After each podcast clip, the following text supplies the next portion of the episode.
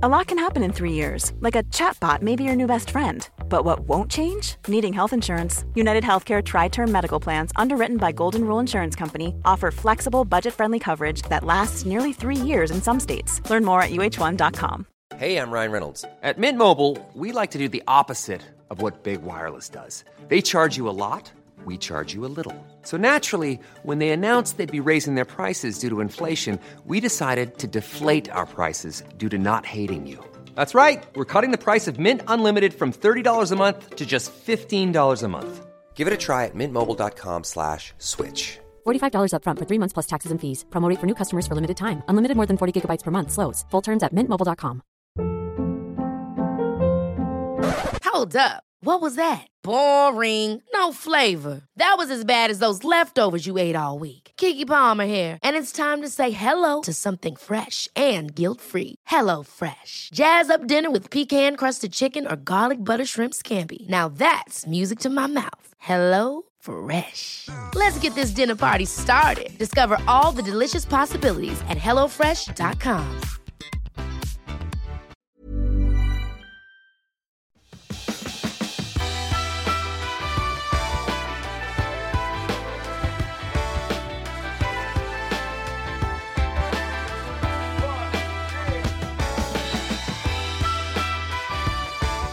Hej och hjärtligt välkommen tillbaka till Klimakteriepodden med mig, Åsa Melin.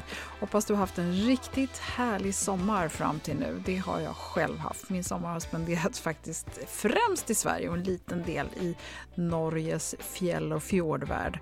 Och jag har varit i Skåne och Halland och Värmland, Härjedalen, Dalarna och Norrland kring Höga Kusten och så har jag varit hemma utanför Stockholm. Det har ju varit högst varierat skulle man väl kunna säga. Eller hur? Eh, jag erkänner villigt att jag hade önskat lite mindre blåst och lite torrare kanske, möjligen lite mer värme även om jag har liksom ändå varit rätt glad för att jag inte har varit där det har varit som hetast. Tusen tack för alla glada tillrop, främst från er som följt mig på stories på mitt Instagramkonto Klimakteriekocken. Det är jätteroligt att det är så många som är entusiastiska. Hur som helst så har det varit också väldigt, väldigt spännande att få in en massa lyssnarfrågor här under sommaren och det var ett tag sedan vi körde ett sånt här avsnitt, så tusen tack för det. Och även om det är ofta era frågor som ger upphov till nya avsnitt så kan det ibland ibland behövas liksom lite kortare koncisa svar på frågor.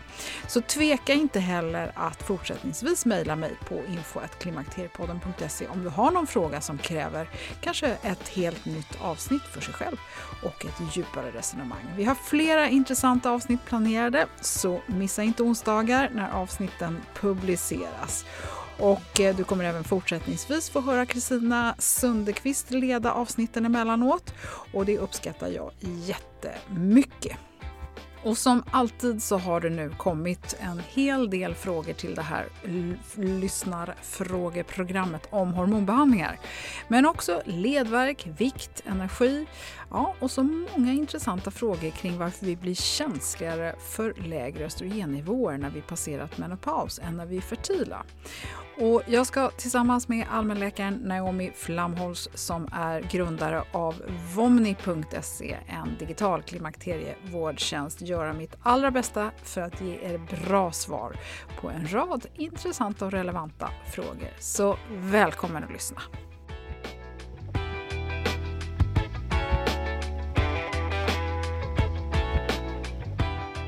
Hallå Naomi! Du är så hjärtligt välkommen till Klimakteriepodden och det här lite extra långa avsnittet med lyssnarfrågor. Hur är läget?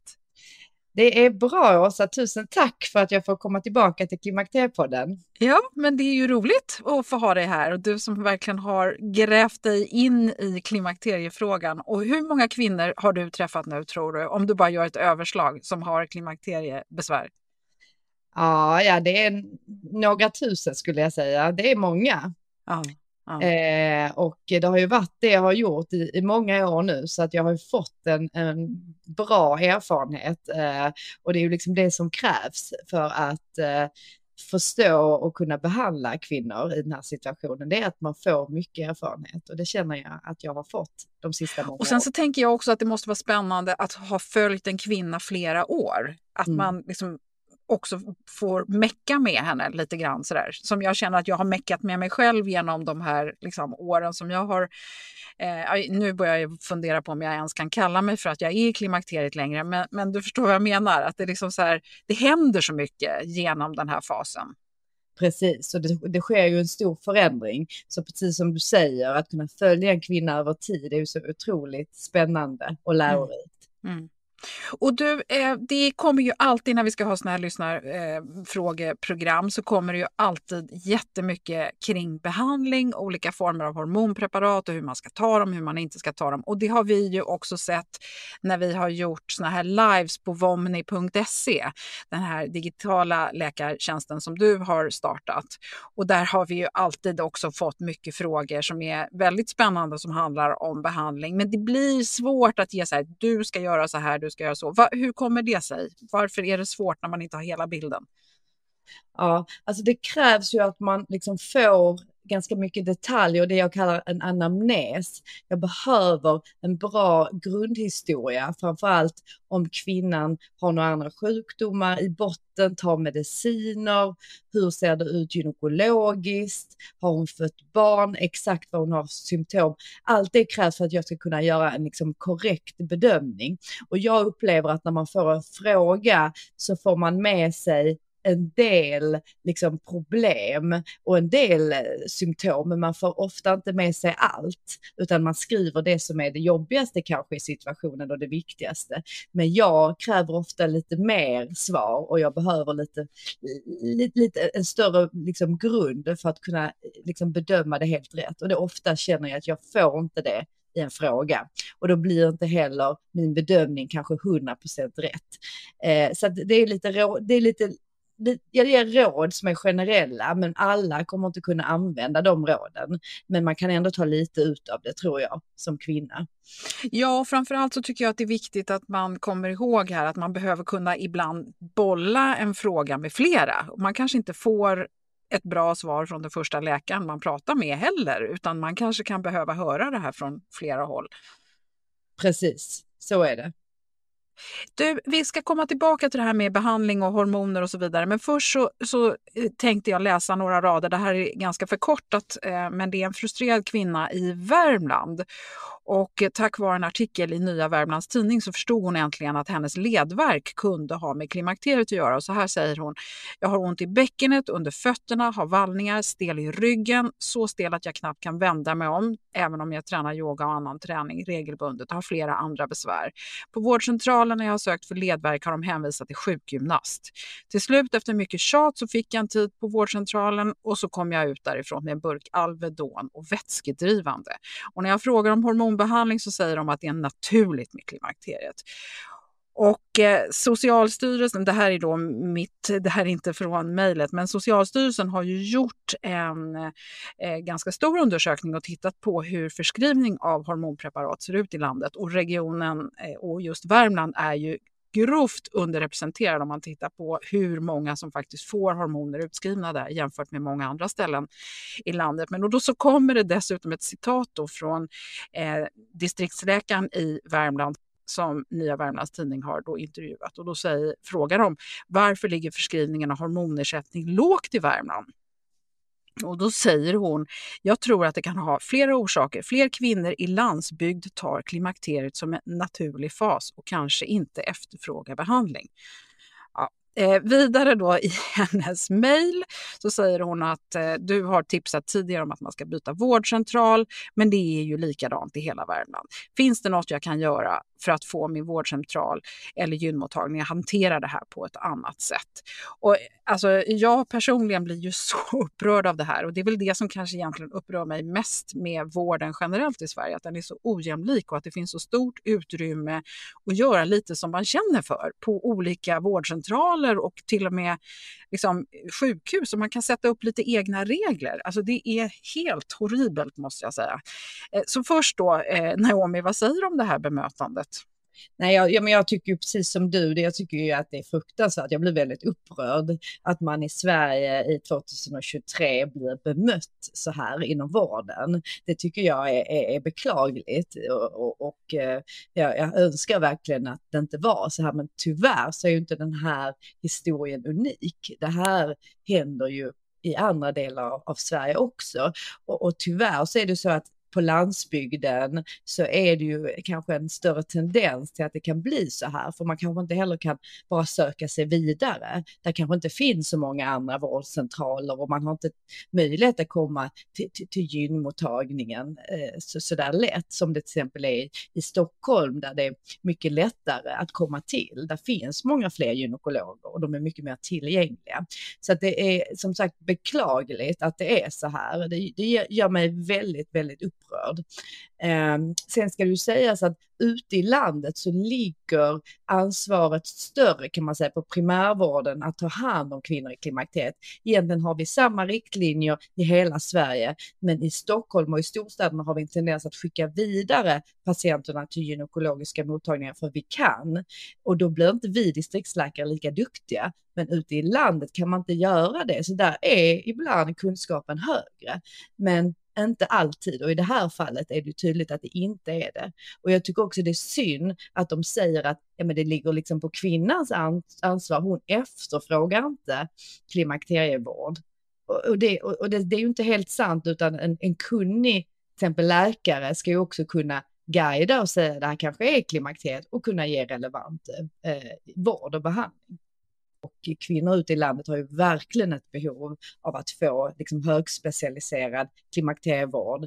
Eh, och, och, därför tycker jag att just Womni som erbjuder digital vård för alla kvinnor i hela landet, att, att det fungerar väldigt, väldigt bra och vi upplever att kvinnorna ute i landet blir väldigt nöjda, att de mm. får så bra hjälp hos mm. oss. Och behöver man träffa något fysiskt så har ni möjlighet att remittera vidare. Du, men det här med verk då, mm. för det är ju väldigt vanligt tycker jag att man hör att kvinnor har ont och eh, hur vanligt är det egentligen och eh, vad är det som hjälper? Jo, men det är enormt vanligt och mycket, mycket vanligare än vad man tror och vad man fokuserar på. Eh, det blir ju lätt fokus på, på, på liksom den vanliga, eh, vanliga problemet som är vallningar och svettningar. Men det är väldigt, väldigt många som har problem med stelhet i leder, värk i leder och värk i muskler. Många beskriver att de får mer liksom, träningsverk än vad de har fått tidigare. Eh, på Omni då som jag driver så har vi ett kostnadsfritt självskattningstest som alla kvinnor som också eh, har, får vård hos oss gör. Och vi har över 40 000 kvinnor som har gjort det testet nu och där, där, där får man fylla i vilka symptom man har. Och där kan vi se att 65 procent av de här 40 000 kvinnorna eh, beskriver att de har problem med muskel och ledvärk. Så det är ju väldigt många och det orsakas av det sjunkande östrogenet. Eh, så vad kan man då göra om man får problem med liksom smärta och värk och stelhet i leder och muskler? Jo, om man blir utredd och man tror att det här kan ha att göra med klimakteriet och östrogenvärdena, ja men då kan man prova en hormonbehandling. Ofta har man ju också andra symptom. Ofta är det inte bara eh, problem med ledvärk eh, och ofta så blir det bättre av en östrogenbehandling och då är det en systemisk behandling, alltså något man tar genom huden eller genom munnen. Ja, och i, i övrigt så kan man väl säga att det här med artros och man kan säga att det finns ju en, en rad andra saker som kan komma in i spel. Och vi har ett avsnitt som kommer här om några eh, veckor som handlar om just det här. Så att det kan man också hålla lite utkik efter vad det finns för olika typer av alltså skillnader mellan artros och reumatism och så, och så vidare. Du, vi har en kvinna som är 54 år som kom tidigt i klimakteriet, sista mens när jag var 40 och började med hormonbehandling, plåster och progesteron när jag var 45. Jag har hypotyreos, det vill säga sköldkörtelrubbning sedan 20-årsåldern och har en del övervikt med ett BMI på 30 och tar medicin för högt blodtryck. Jag har fött ett barn, fått nio missfall och gjort en herrans massa fertilitetsbehandlingar. Första frågan, hur länge kan jag hålla på med hormonbehandling? Ja, det var ju så här tidigare att man rekommenderade en hormonbehandling i fem år och inte mer. Men våra nationella riktlinjer i Sverige har gått bort från detta så man får ta en hormonbehandling i längre tid. Eh, däremot är det en individuell bedömning där man väger mellan nyttan och risken hos patienten. Eh, så att det är viktigt att man kontaktar då sin vårdgivare, den som har skrivit ut hormonerna och så gör man en bedömning eh, hur det fungerar med behandlingen men också om man har fått några risker. Det kan ju vara så att man har utvecklat en sjukdom under de här åren man har tagit en hormonbehandling, till exempel diabetes, högt blodtryck, man kanske har gått ännu mer upp i vikt, man kanske har börjat röka eller dricker för mycket. Så det finns ju många andra faktorer som kan påverka riskerna, till exempel för att få hjärt och kärlsjukdomar. Och har man de här höga riskerna, då kanske man ska överväga, borde man trappa ner eller sluta med behandlingen? Eller ser man inga risker? Och då kan man kanske fortsätta. Men man kan säga att det är kvinnans önskan som man liksom som, som man såklart går efter, men i kombination med en medicinsk bedömning. Eh, och är det så att man är tidig i menopaus som den här kvinnan så rekommenderar man att hon tar sina hormoner till naturlig menopausålder och i Norden är det runt eh, 53 års ålder. Så att hon skulle kunna sluta om hon önskar kan man säga.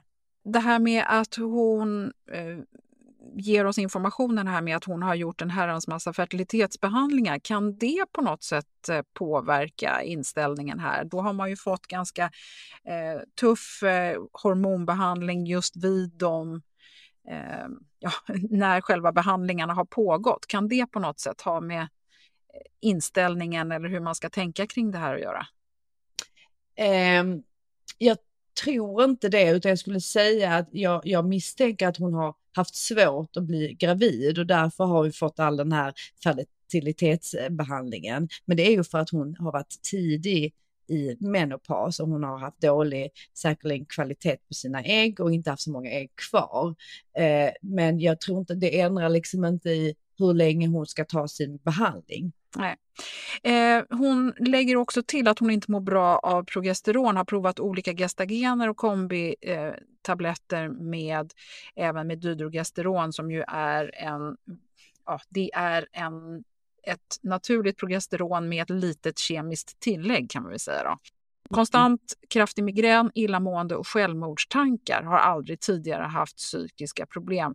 Jag antar att det här är när hon tar de här medicinerna och därför så mår hon då bättre på bioidentiskt progesteron men blir väldigt nedstämd, trött och stark huvudvärk.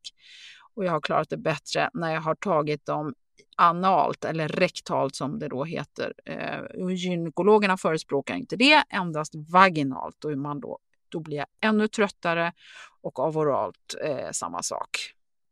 Mm. Är det sämre att ta det då? Eh, genom analhålet rektalt än att ta det genom alltså progesteronet via munnen eller vaginan. Mm. Det här är faktiskt en fråga som kommer ganska ofta och det är kanske något som vi vårdgivare kanske inte har tänkt över, för det är ju inte något vi liksom rekommenderar. Samtidigt så kommer ju frågan ofta, så vi måste ta ställning till detta. Eh, och jag kan säga att det finns liksom ingen rekommendation som säger att ja, men man kan lika väl ta det rektalt som att ta det till, till exempel i munnen eller i underlivet. Men eh, jag kan väl säga att generellt så, så är det ju ett upptag, alltså det är slemhinnor rektalt, precis som där är i underlivet. Så sannolikt så är upptaget lika bra och jag tror att det har lika skyddande effekt på, på livmod, livmoderslemhinnan och det är det som är syftet att det ska skydda livmoderslemhinnan för att bli tjock.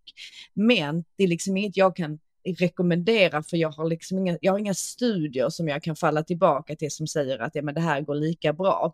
Så att, så att det, det är svårt att säga varken det ena eller det andra, men det är ingenting jag kan liksom säga att jag vet eh, skulle ha exakt lika bra effekt, men sannolikt har det. Men, eh, Nej, men då, är det ju, då måste hon ju fortsätta ta det så som det fungerar och så får man ju då undersöka slemhinnan. Hennes gynekolog måste ju då titta på den med ultraljud eh, någon gång eh, om året för att se att den inte har, liksom, eller i alla fall initialt eh, när hon har börjat med att ta det så här, så att den inte växer till. Så att man ser att upptaget fungerar. Absolut, precis. Sen är det så att när man tar det här bioidentiska progesteronet i underlivet så kan det för vissa kvinnor göra att man blir liksom lite irriterad liksom, i slemhinnan bara för att det kan vara lite starkt. Och hur det påverkar rektalt, ja, det, kan man inte, det, det kan jag inte svara på. Och jag kan inte heller säga att jag, man gör en undersökning liksom, årligen för att titta på slemhinnan, om det skulle kunna påverka på något sätt negativt. Så att det är liksom en, en viss risk med att göra någonting som kanske inte rekommenderas, men sannolikt är det inte farligt. Nej. Nej, vi har ju hört många som mår dåligt på gestagener, alltså de här kemiska eh, gulkroppshormonet. Och det, så är det ju, medan andra mår ju sämre på det bioidentiska. Mm. Så det, det är ju mm. individuellt och det är det här som är så trixigt då, om man bara liksom erbjuds ett alternativ och så liksom vill inte läkaren befatta sig med något annat. Det är ju viktigt att kunna få prova sig fram. Och för en mm. del fungerar ju inte hormoner överhuvudtaget för att man mår helt enkelt sämre än utan mm. dem. Så då får man ju, liksom, precis som du sa tidigare, väga de olika för och nackdelarna eh, emot. Du, jag, jag, kan inte låta bli nu för du eh, att ställa det här, det här har inte du och jag förberett, men vi hamnade ju vid ett tillfälle i en spännande diskussion med ett par andra gynekologer om progesteronberoende. Mm. Eh, och då berättade hon att hon hade eh, flera patienter som hon såg att de tog väldigt höga doser av progesteron för att de mådde bra av det. Och man säger ju att just progesteron binder mot GABA-receptorn, det vill säga den del i hjärnan som får oss att känna oss avslappnade och lugna. Och så började du gräva i det här, men du kom inte jättelångt eftersom det saknas forskning. Men kan du inte berätta bara vad du har sett och vad du tänker? Ja, nej men precis. Att, liksom vad jag har sett när jag har träffat då många kvinnor som tar bioidentiskt progesteron, det är ju att liksom en del kvinnor mår liksom otroligt bra av det och det ger dem en lugnande, lite ångestdämpande effekt. Eh, och sen också blir de trötta och sover bra. Eh, men jag, jag, kan ibland uppleva att en del kvinnor som kanske har i botten en ångestproblematik, eh, en tendens att liksom stressa upp sig, ha problem med det psykiska, har kanske en ännu bättre effekt av progesteron, eh, bioidentiskt progesteron, än vad andra kvinnor har. Och detta är liksom en observation som jag har sett när jag har behandlat många kvinnor just med bioidentiskt progesteron. Eh, men som sagt, det finns inte tillräckligt mycket forskning om man skulle kunna liksom bli beroende av detta. Men, men jag upplever att en del kvinnor bara vill ha mer och mer. Och om, om man har rekommenderat dem att ta Eh, bioidentiskt progesteron bara några dagar per cykel, så vill, önskar de ofta att ta det varje dag i cykeln, vilket inte alltid är något som är bra i förhållande till blödningarna. Eh, men jag upplever att det finns en viss tendens till beroende eh, när man tar eh, just bioidentiskt progesteron hos vissa. Mm. Ja, men spännande, för att eh, mm. då, den här andra gynekologen berättade ju då att hon hade kvinnor som hade liksom inte bara dubblat dosen utan liksom tripplat mm. doserna och eh, bara för att få mer utskrivet då så att säga återkom allt för ofta och det hade försvunnit i någon resväska och det hade spolats ner i toaletten och det hade slängts av misstag och, och så vidare. Det är ju liksom, låter ju som beroende på hög nivå, tänker jag i alla fall. Ja, precis. Och då är frågan, är det farligt? Och det är det vi liksom inte vet.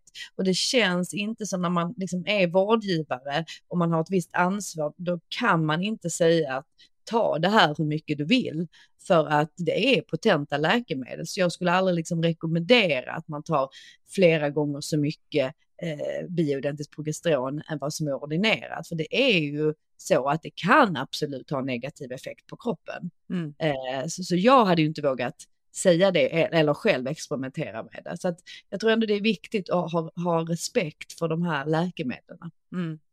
Du, eh, här har vi en kvinna som har, eh, tar östrogenplåster eh, och eh, hon tar en 50 milligram, vilket ju, eller det är inte milligram, vad är det? Det är Picomol eller vad är det för någonting? Mikrogram. Mikrogram. Mm. Eh, och då har hon fått utskrivet framförallt för nedstämdhet, oro, värk i kroppen, torr hud, torra slemhinnor i näsa, ögon, underliv. Och hon tar dessutom antidepressiv medicin sedan många år på grund av just ångest och eh, hon har mått jättebra fram till ungefär ett år sedan då hon upplever då att eh, hon tycker att eh, den här ångesten har kommit tillbaka. Hon misstänker att det är östrogenbrist till de här besvären. Och hur lång tid tar det innan man får någon förbättring? om man nu får det. Hade inte vallningar och svettningar innan insättningen av östrogenet men har det nu kan det vara ett insättningssymptom. Har använt plåster, eh, de här östrogenplåsterna i cirka en månad. månad. Vilka insättningssymptom kan man få av östrogen? För alla mår ju som sagt inte bra av hormonbehandling.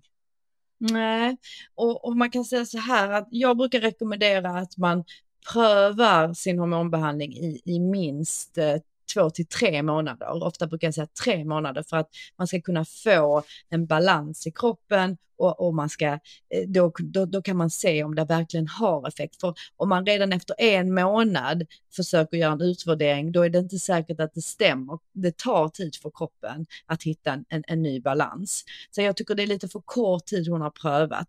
Sen kan jag säga att det är inte vanligt att man får vallningar och svettningar av östrogen, utan tvärtom, östrogenet ska ta bort vallningar och svettningar om man nu har det som besvär och som symptom i klimakteriet. Så det låter inte riktigt som att det, det borde hänga ihop med det. Ehm, men som sagt, alla mår inte bra av hormonbehandling. Det är väldigt individuellt.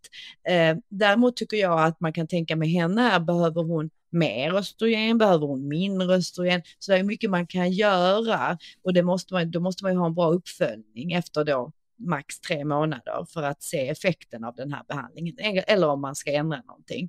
Hon har ju inte heller skrivit om hon tar någon typ av eh, progesteron, alltså gulkroppshormon, eller hon kanske redan har en spiral. Så frågan är, har hon, har hon lagt till någonting där också som kan vara boven i detta?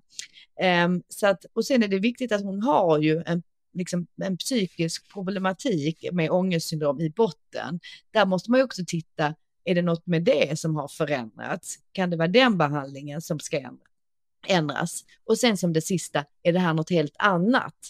Kan det vara att hon har fått en annan sjukdom som har debuterat cirka samtidigt som hon kommer i klimakteriet? Då kanske det är bra att ta eh, blodprov för att se att det inte är något annat och ett blodtryck till exempel. Mm.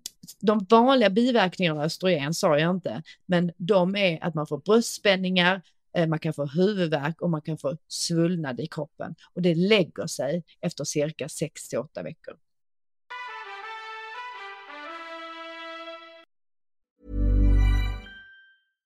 Ready to pop the question? The jewelers at BlueNile.com have got sparkle down to a science with beautiful lab-grown diamonds worthy of your most brilliant moments. Their lab-grown diamonds are independently graded and guaranteed identical to natural diamonds, and they're ready to ship to your door. Go to BlueNile.com and use promo code LISTEN to get $50 off your purchase of $500 or more. That's code LISTEN at BlueNile.com for $50 off. BlueNile.com code LISTEN. Hey, I'm Ryan Reynolds. Recently, I asked Mint Mobile's legal team if big wireless companies are allowed to raise prices due to inflation. They said yes. And then when I asked if raising prices technically violates those onerous two year contracts, they said, What the f are you talking about, you insane Hollywood ass? So to recap, we're cutting the price of Mint Unlimited from $30 a month to just $15 a month. Give it a try at mintmobile.com slash switch. $45 up front for three months plus taxes and fees. Promoting for new customers for limited time. Unlimited more than 40 gigabytes per month. Slows. Full terms at mintmobile.com. Ever catch yourself eating the same flavorless dinner three days in a row? Dreaming of something better? Well, HelloFresh is your guilt-free dream come true, baby. It's me, Gigi Palmer. Let's wake up those taste buds with hot, juicy pecan crusted chicken or garlic butter shrimp scampi. Mm. Hello Fresh. Stop dreaming of all the delicious possibilities and dig in at HelloFresh.com. Let's get this dinner party started.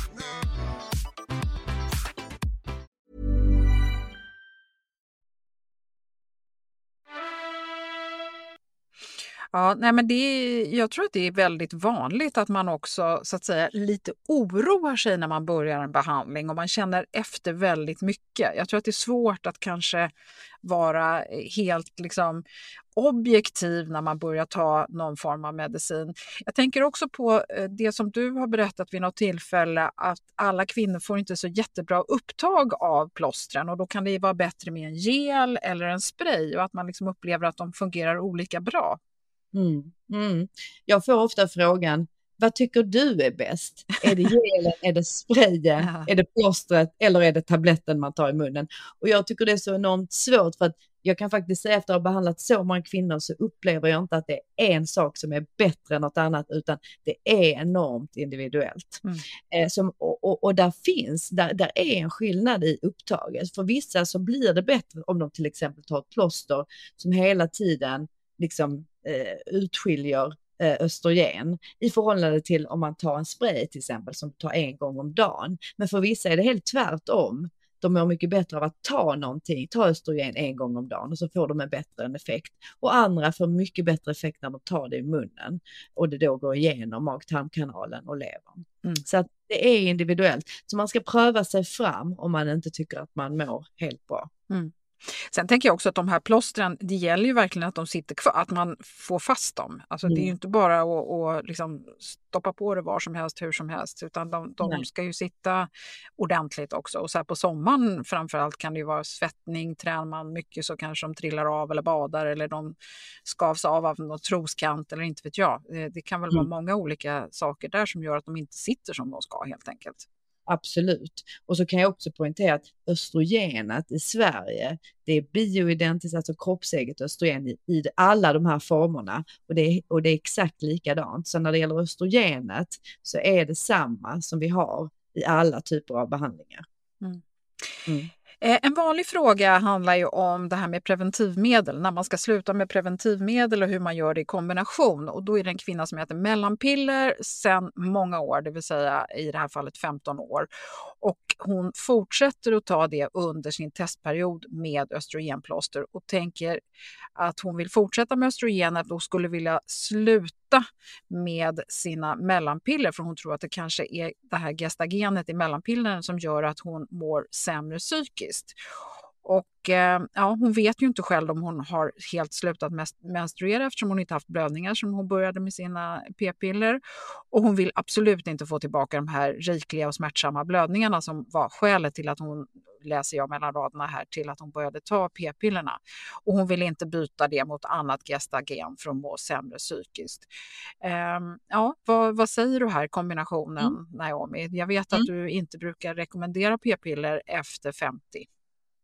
Nej, precis. När det gäller p-piller, vilket är en kombination mellan östrogen och gulkroppshormon, alltså syntetiskt gestagen, eh, så brukar man säga att det, det, är individuellt, för det beror på om man har liksom riskfaktorer i botten, men över 45 brukar man inte rekommendera det i Sverige.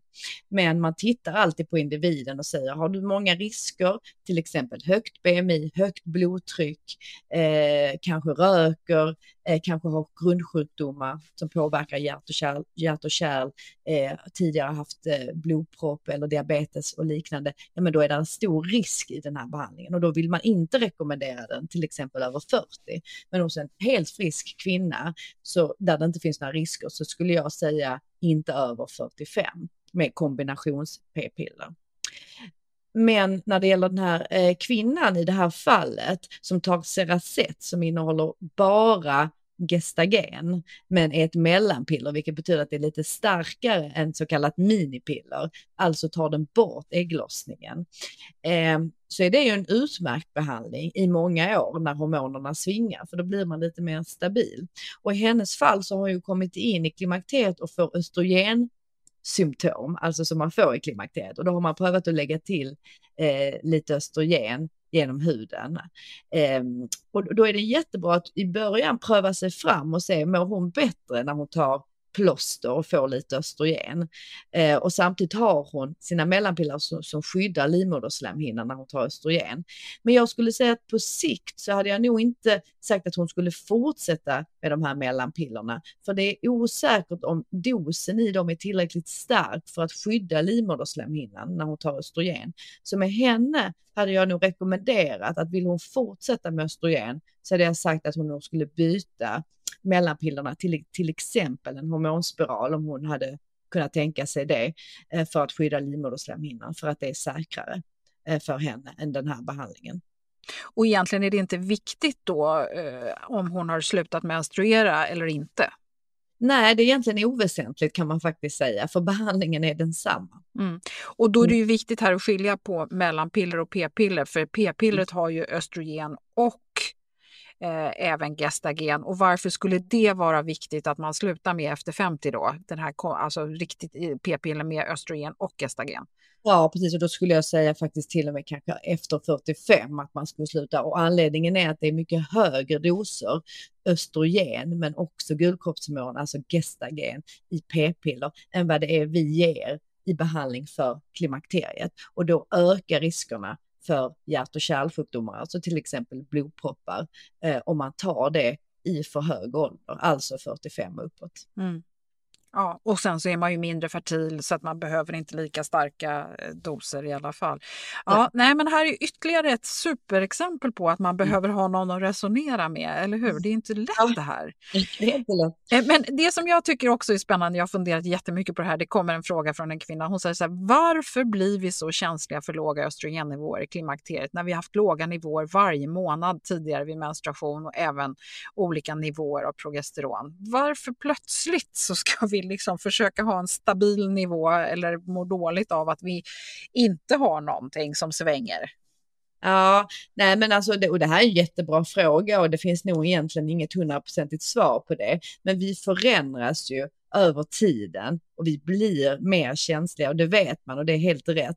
Sen är det också viktigt att komma ihåg att både östrogennivåerna och progesteronnivåerna, de faller ju när vi kommer in i klimakteriet, så då ligger vi på en lägre nivå.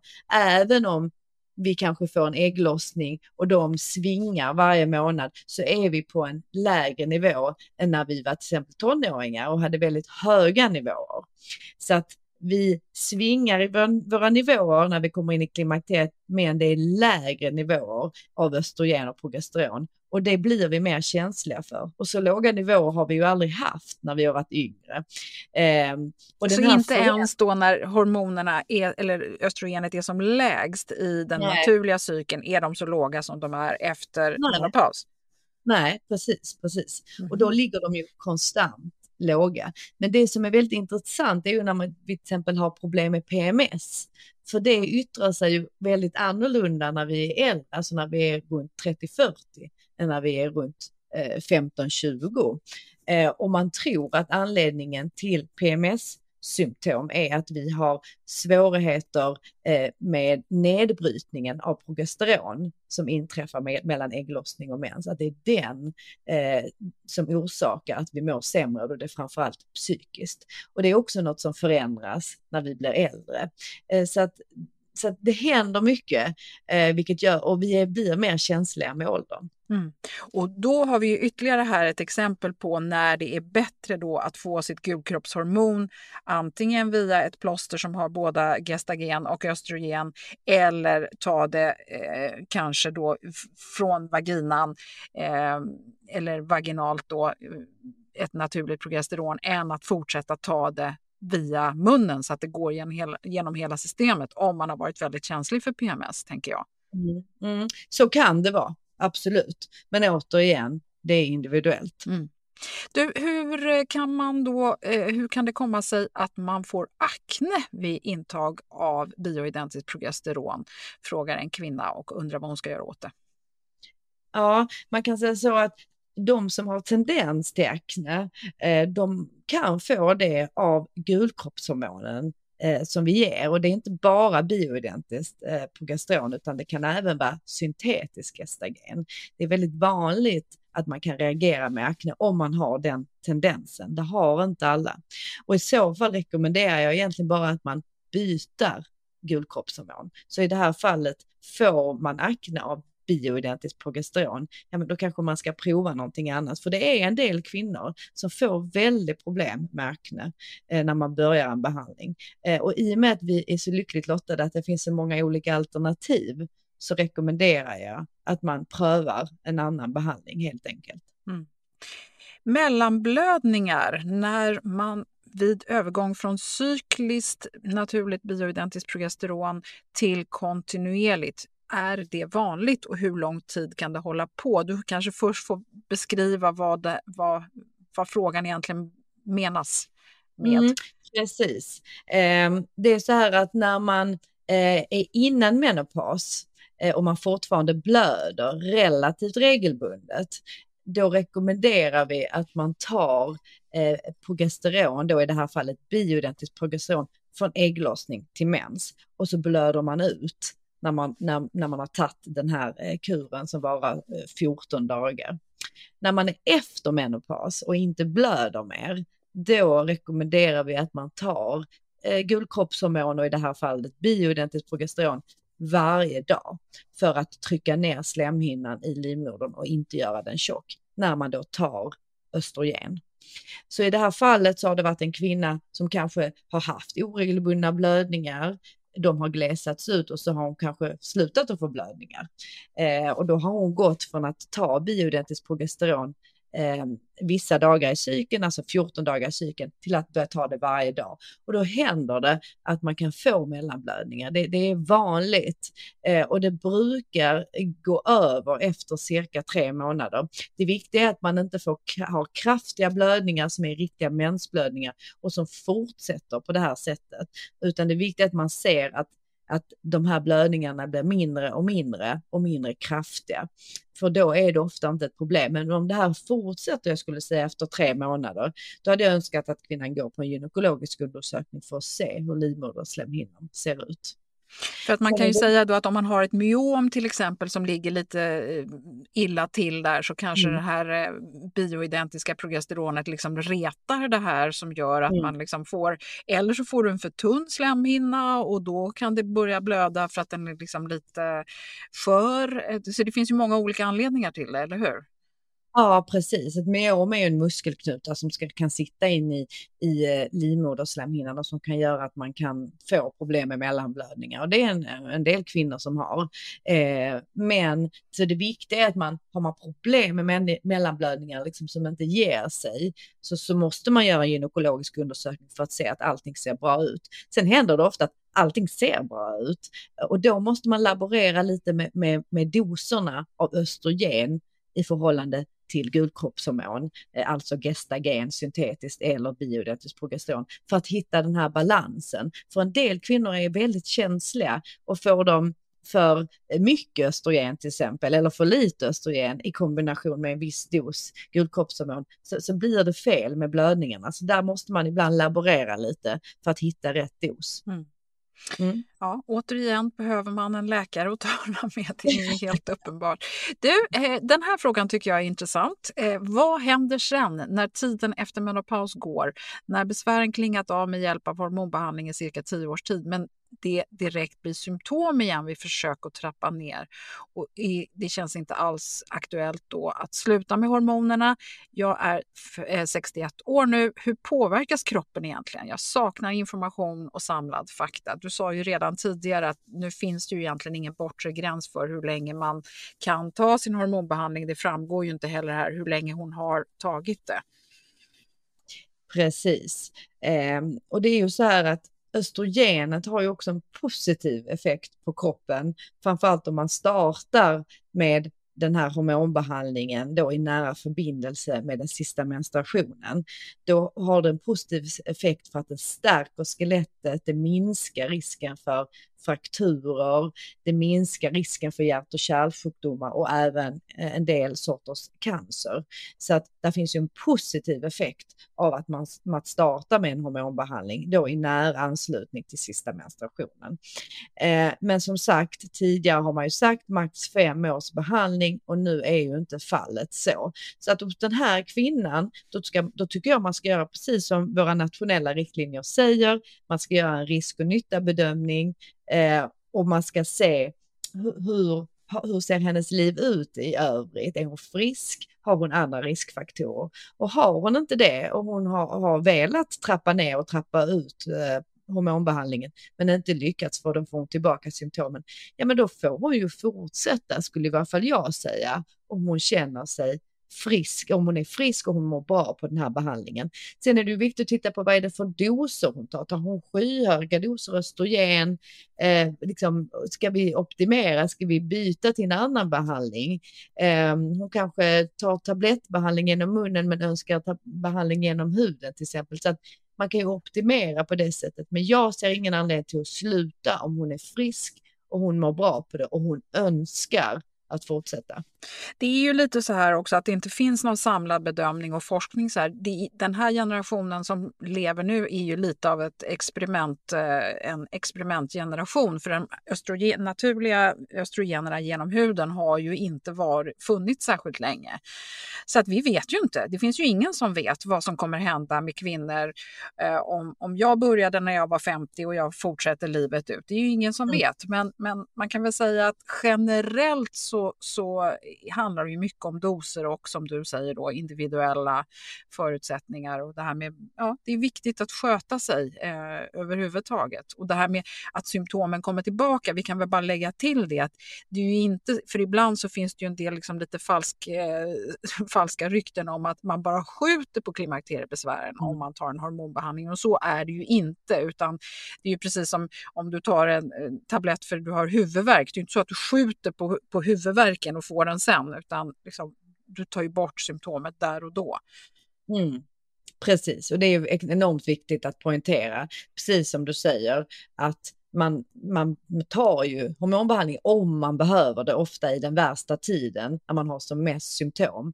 Och är det så att man slutar sen, kanske efter fem år eller liknande, då kan man ju få tillbaka lite av symptomen, men, men ofta får man ju inte tillbaka dem i samma grad, för kroppen har ju förändrats med sina naturliga hormoner under den här tiden. Mm.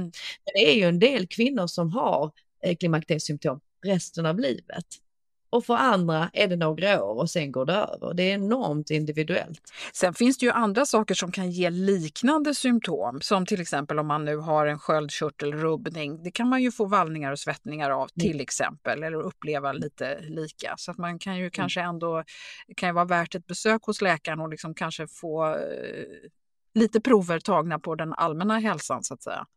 Mm, absolut. Du, eh, det kommer alltid frågor kring vikt och vi har talat mycket om det tidigare i Klimakteriepodden. Så sök du som lyssnar, sök gärna på klimakteriepodden.se och använd ordet vikt och även titta på avsnitten som handlar om blodsocker. Helt kort här Naomi, varför blir det så lätt att man lägger på sig vikt och går upp i vikt i den här perioden och många störs ju av att det framförallt hamnar på magen? Mm. Nej men det är ju så att det är faktiskt många, många kvinnor som beskriver att de får problem med viktuppgång.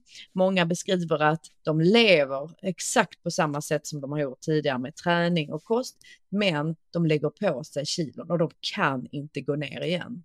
Eh, och detta händer ju ofta efter 40, men, fram, men mer efter 50.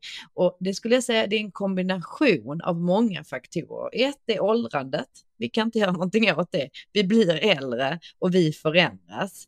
Ehm, ämnesomsättningen, den kanske inte är lika eh, effektiv som den var när man eh, kanske var 15-20. Men framför allt är det att vi sannolikt inte rör oss heller lika mycket som vi, vad vi gjorde när vi var väldigt mycket yngre. Vi har säkerligen ett mer stillasittande liv eh, och, och, och, vi klarar inte det om vi vill förbränna lika mycket som när vi var yngre. Eh, och sen är det ju då klimakteriet och våra hormoner som absolut också spelar en stor roll. Och forskning visar att kvinnor har en tendens till att gå upp i vikt och kilorna, alltså fettdepåerna, sätter sig runt magen. Och det är ju väldigt synd att det är så, för det är just den fettet runt magen som ökar riskerna för hjärt och kärlsjukdomar. Men det kan kanske vara betryggande att känna som kvinna att det är hormonerna delvis som gör detta. Men då måste man ju fokusera allt man kan på livsstilen, för det är liksom allt, det är det man kan göra. Det är ju inte så här att om man skulle börja med hormonbehandling att man då bara rasar i vikt och man får en platt mage. Hade det varit så hade det varit jättebra, men så är det ju inte heller.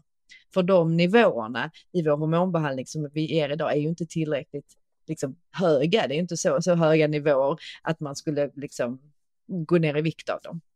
Nej, och jag tänker också att lite fett runt magen kan vara positivt i och med att det också produceras eh, östrogen i, i fettcellerna. Men, men precis det där som du säger, balansen är ju svår.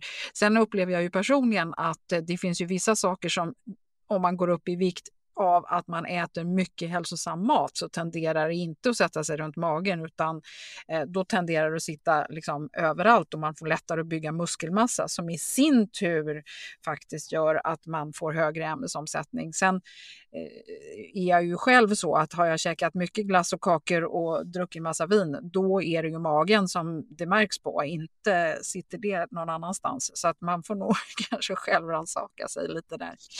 Ja. Eh, när det gäller just det här med ämnesomsättning så har vi en annan fråga som handlar av, som är lite knepig. Kan man lättare bli påverkad när det gäller ämnesomsättning eller blodsocker i samband med motion under eller efter klimakteriet? Jag upplever själv att jag inte alls kan hålla energinivån uppe under löpning jämfört med tidigare.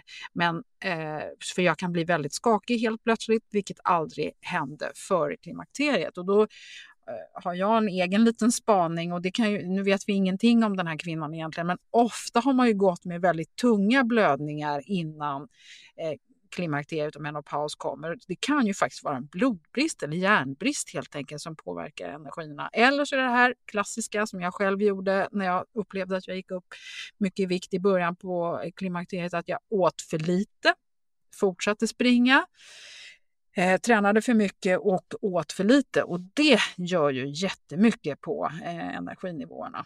Eh, och sen så kan det ju vara det här med svängigt blodsocker, för vad gör man när man inte äter tillräckligt med mat? Då blir man sugen på annat, så snappar man åt sig en kaka här och då och eh, ja, vad tänker du Naomi? Mm. Nej men återigen, eh, liksom vi förändras eh, och eh, det är nog enormt många, inte bara kvinnor men även män som säger att deras kanske energinivåer inte är de samma när de är äldre i förhållande till när de var yngre. Så att jag, jag, tror att det sker en förändring i kroppen och den måste man liksom eh, bejaka. Man måste liksom eh, ta ställning till den och så måste man också titta på sig själv och säga hur lever jag idag? Stressar jag mycket? Sover jag lite? Får jag i mig för, för lite näring och mat som du säger? Eh, svingar mitt blodsocker mycket på grund av det och kan jag därför inte prestera lika mycket när jag tränar. För att ser man över alla de faktorerna, då kanske man ändå kommer att hamna igen på en nivå där man känner, men nu kan jag som jag kunde innan.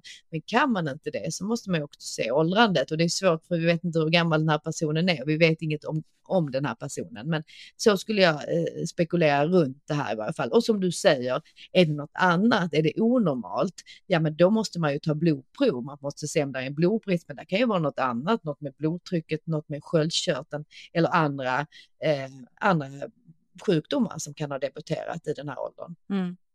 Och då kom vi in på frågan eh, om vilka blodprov som kan vara relevanta eller eventuellt inne för att bli klokare på eventuell behandling.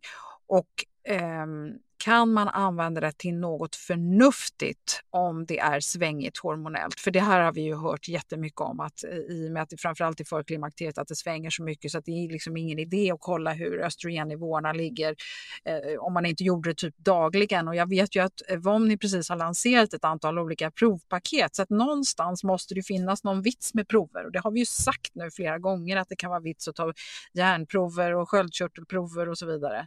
Vad, mm. vad säger du egentligen om det här med provtagning? Ja, nej, men jag upplever att många kvinnor vill ta blodprov och vill eh, kolla sina hormonnivåer. Det är ju något som efterfrågas. Sen är det viktigt att göra det rätt tycker jag om det ska göras, för annars tycker jag att det är som att slänga pengar i sjön.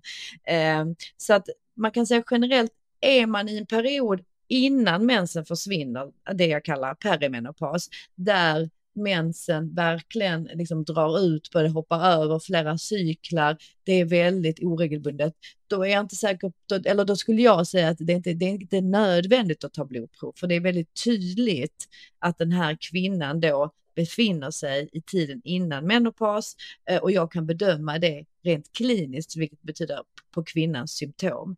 Då kan jag tycka att det finns ingen mening med att ta blodprov, för det kommer inte bekräfta någonting. Däremot är det så att man är kvinna och man är väldigt ung, man kanske är under 45 eller under 40 till och med, och man misstänker att man är tidig menopaus, man har slutat menstruera till exempel, eller man är en kvinna som kanske har en spiral och inte har några blödningar på det, men, men börjar få klimakteriesymptom, då kan det vara relevant att ta blodprov för att bekräfta var i klimakteriet man är och om man har hamnat i menopaus. Då är det väldigt viktigt att ta blodprov.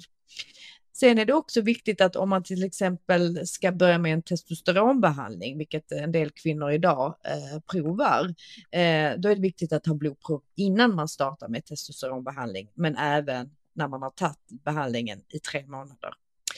Sen är det också viktigt att om man till exempel, man är en yngre kvinna kanske med en känd PCOS eller man misstänker att man har PCOS, alltså polycystiska eh, ovariesyndrom, vilket kan leda till oregelbundna blödningar. Då kanske man också vill ta blodprov för att se hur ens fertilitet ser ut. Eh, eller om man är ung och önskar få en fertilitetsbedömning. Då kan man ta blodprov, eh, men då måste man också veta att eh, om man vill se hur ens fertilitet är, då måste man komplettera med vaginalt ultraljud för man kan inte få en hundraprocentig bedömning bara av blodprov. Men med PCOS så kan man få en bedömning bara av blodprovtagning. Men det viktiga i allt detta är att man tar, när man tar blodprov, att man vet vilka blodprov som är relevanta och också att man tar dem rätt dag i cykeln om man fortfarande menstruerar, för annars säger de ingenting. Så att summa summarum, det är komplext, mm. men Ibland kan det vara relevant med blodprov, absolut. Och det är också viktigt såklart, som vi har pratat om innan, att ta blodprov om man misstänker någon annan sjukdom som inte har att göra med klimakteriet. Mm. Bra. Eh, här har vi en kvinna som skulle önska mer info om lokal östrogenbehandling i slidan. Vilka fördelar respektive nackdelar finns det? Och stämmer det att man inte bör sluta om man väl har påbörjat en sån här typ av behandling? Och finns det eh, tips på eh, alternativa receptfria lokala behandlingar? Ja, det stämmer att om man slutar med lokalt östrogen i underlivet, då är man tillbaka på ruta noll, för då har man ingen effekt alls. Så man får tänka, trivs man med lokalt östrogen, eh, det påverkar liv, eh, underlivet positivt, då kommer man få fortsätta hela livet om man vill ha den effekten.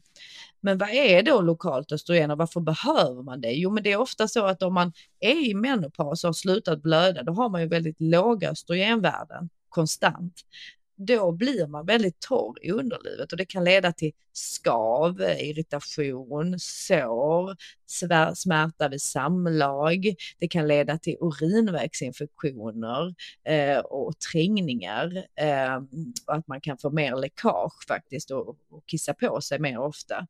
Eh, och, och det, det orsakas av de, de låga östrogenvärdena och att man får mindre laktobaciller i underlivet.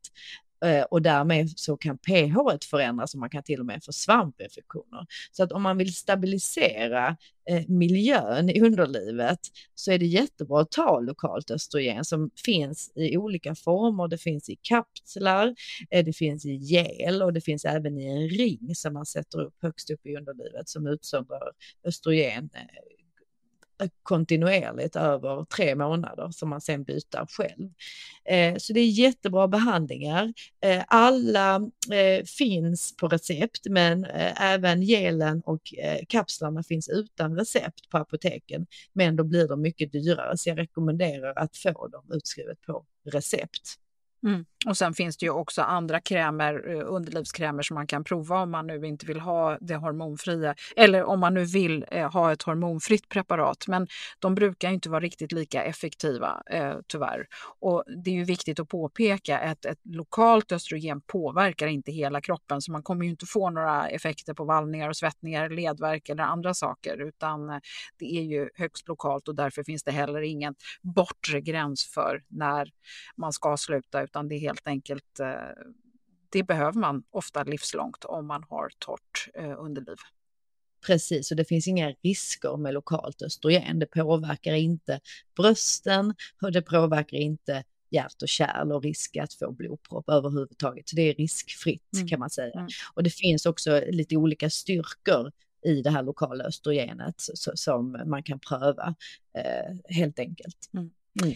Eh, jag vill bara lägga till här, för att i dagarna har man också börjat prata om en ny hormonfri medicin mot vallningar och svettningar som heter Veosa.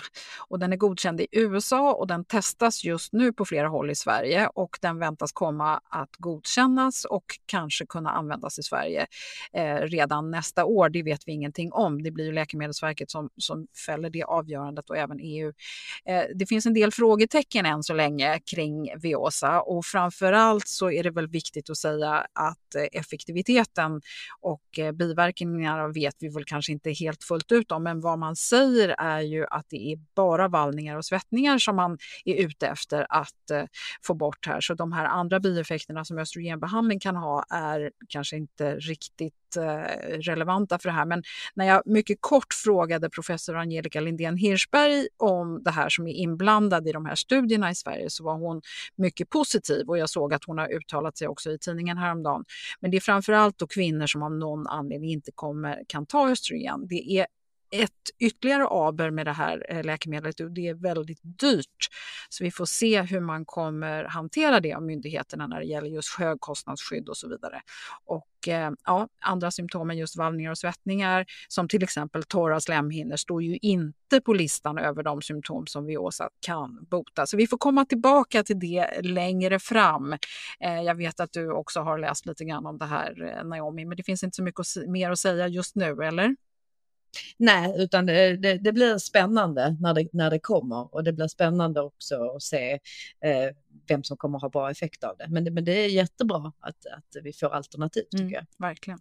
Och sen så kom det nyligen en eh, nyhet om en studie på danska kvinnor som skulle ha indikerat att hormonbehandling hos kvinnor i klimakteriet eventuellt skulle kunna bidra till demens. Och studien tar eh, förbehåll för osäkerheten men jag var ändå överraskad över att läsa detta. Och då måste vi börja med att säga att studien gäller dels östrogenbehandling med så kallad systemisk behandling, det vill säga att man tar det inte genom huden i form av gelplåster eller spray som anses vara det skonsammaste och att förorda för många. Eh, dessutom var det då eh, syntetiskt gestagen och inte bioidentiskt progesteron i kombination. Eh, och så gick det också att läsa att det inte gällde om man har tagit hormonbehandling mellan 4 och 12 år. Så ska man vara noga med statistik. Det stod att 31,9 procent hade demens i gruppen som behandlades och 28,9 i den som inte behandlades. Eh, ja, I avsnitt 287 med Tord Nässén så pratade vi mycket om det här med demens och östrogen, men det leder ändå till frågan här Naomi, eftersom östrogen genom huden anses skonsammare, hur kommer det sig att inte alla bara får det den vägen? Ja, men det är ju så att eh, återigen, det är individuellt. En del kvinnor har, har inga ökade risker för blodproppar bland annat.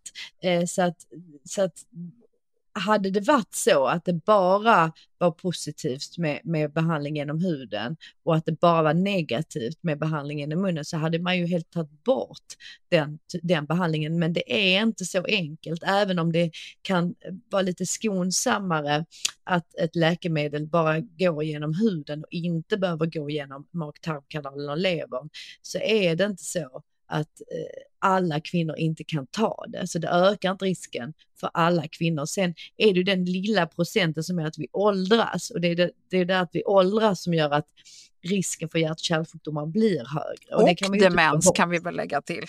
Ja, precis, precis.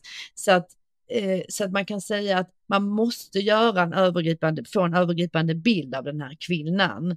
Eh, och som sagt, börja med östrogenet i nära anknytning till att mensen försvinner och inte tio år efter det, då eh, är inte risken högre hos en frisk kvinna. Eh, sen är det också, och det vill jag också påpeka, att det är inte så att det, det passar alla att ta behandling genom huden.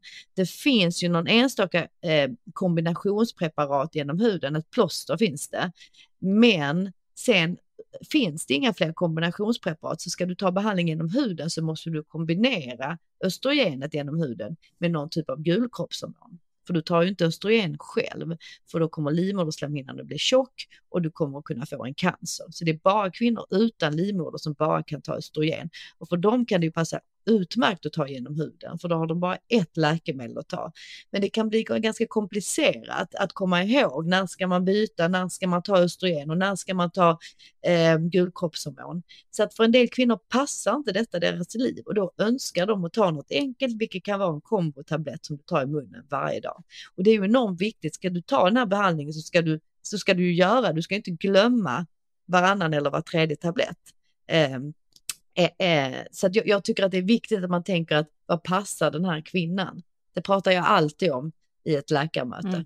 För det här med skonsammare och inte skonsammare, alltså det är ju ändå relativt sett ganska ja. små eh, Ja, återigen så beror det ju mycket på individen som du säger. Du, vi skulle mm. ju, alltså vi har ju ja, vi har ju svarat på mängder av frågor i tidigare lyssnaravsnitt, inte bara du och jag Naomi, utan jag har även haft andra läkare med som har svarat på frågor. Och eh, sen kan jag väl lägga till att varje avsnitt i sig bygger på olika frågor som, eh, som kommer in på olika sätt eller som jag själv har eller som Kristina har kommit på.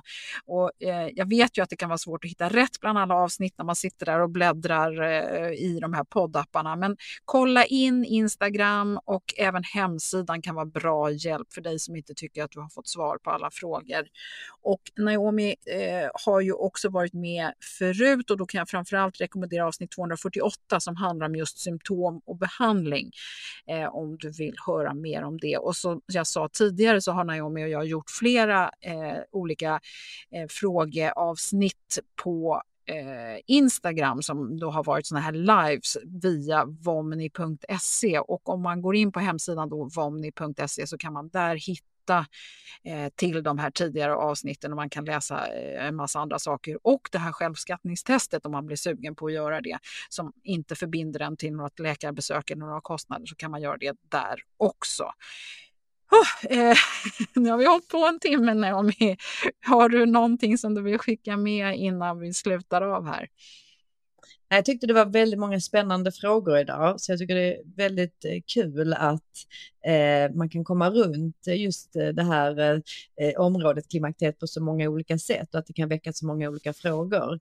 Eh, så jag hoppas att du som lyssnar har liksom känt att du har fått eh, lite konkreta råd och, in, och, och upplever du att du inte har fått den hjälpen som du önskar, att du då söker hjälp och söker vidare för att det finns hjälp att få.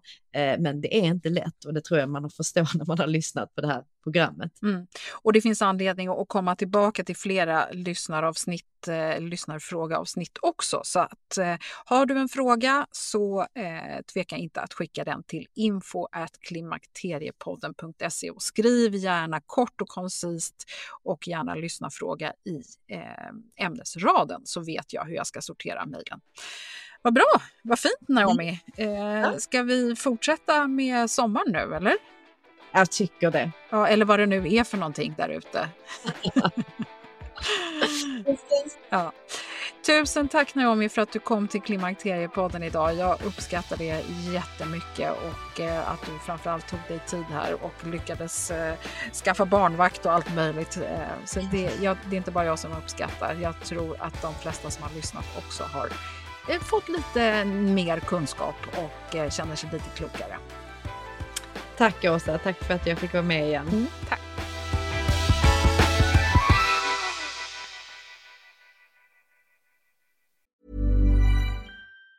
Planning for your next trip? Elevate your travel style with Quince. Quince has all the jet-setting essentials you'll want for your next getaway, like European linen, premium luggage options, buttery soft Italian leather bags, and so much more and it's all priced at 50 to 80% less than similar brands. Plus, Quince only works with factories that use safe and ethical manufacturing practices. Pack your bags with high-quality essentials you'll be wearing for vacations to come with Quince. Go to quince.com slash trip for free shipping and 365-day returns. Mom deserves the best, and there's no better place to shop for Mother's Day than Whole Foods Market. They're your destination for unbeatable savings, from premium gifts to show-stopping flowers and irresistible desserts. Start by saving 33% with Prime on all body care and candles. Then get a 15-stem bunch of tulips for just $9.99 each with Prime. Round out Mom's menu with festive rosé, irresistible berry chantilly cake, and more special treats. Come celebrate Mother's Day at Whole Foods Market. It. Ever catch yourself eating the same flavorless dinner three days in a row? Dreaming of something better? Well, HelloFresh is your guilt-free dream come true, baby. It's me, Kiki Palmer. Let's wake up those taste buds with hot, juicy pecan-crusted chicken or garlic butter shrimp scampi. Mm. Hello Fresh. Stop dreaming of all the delicious possibilities and dig in at HelloFresh.com. Let's get this dinner party started.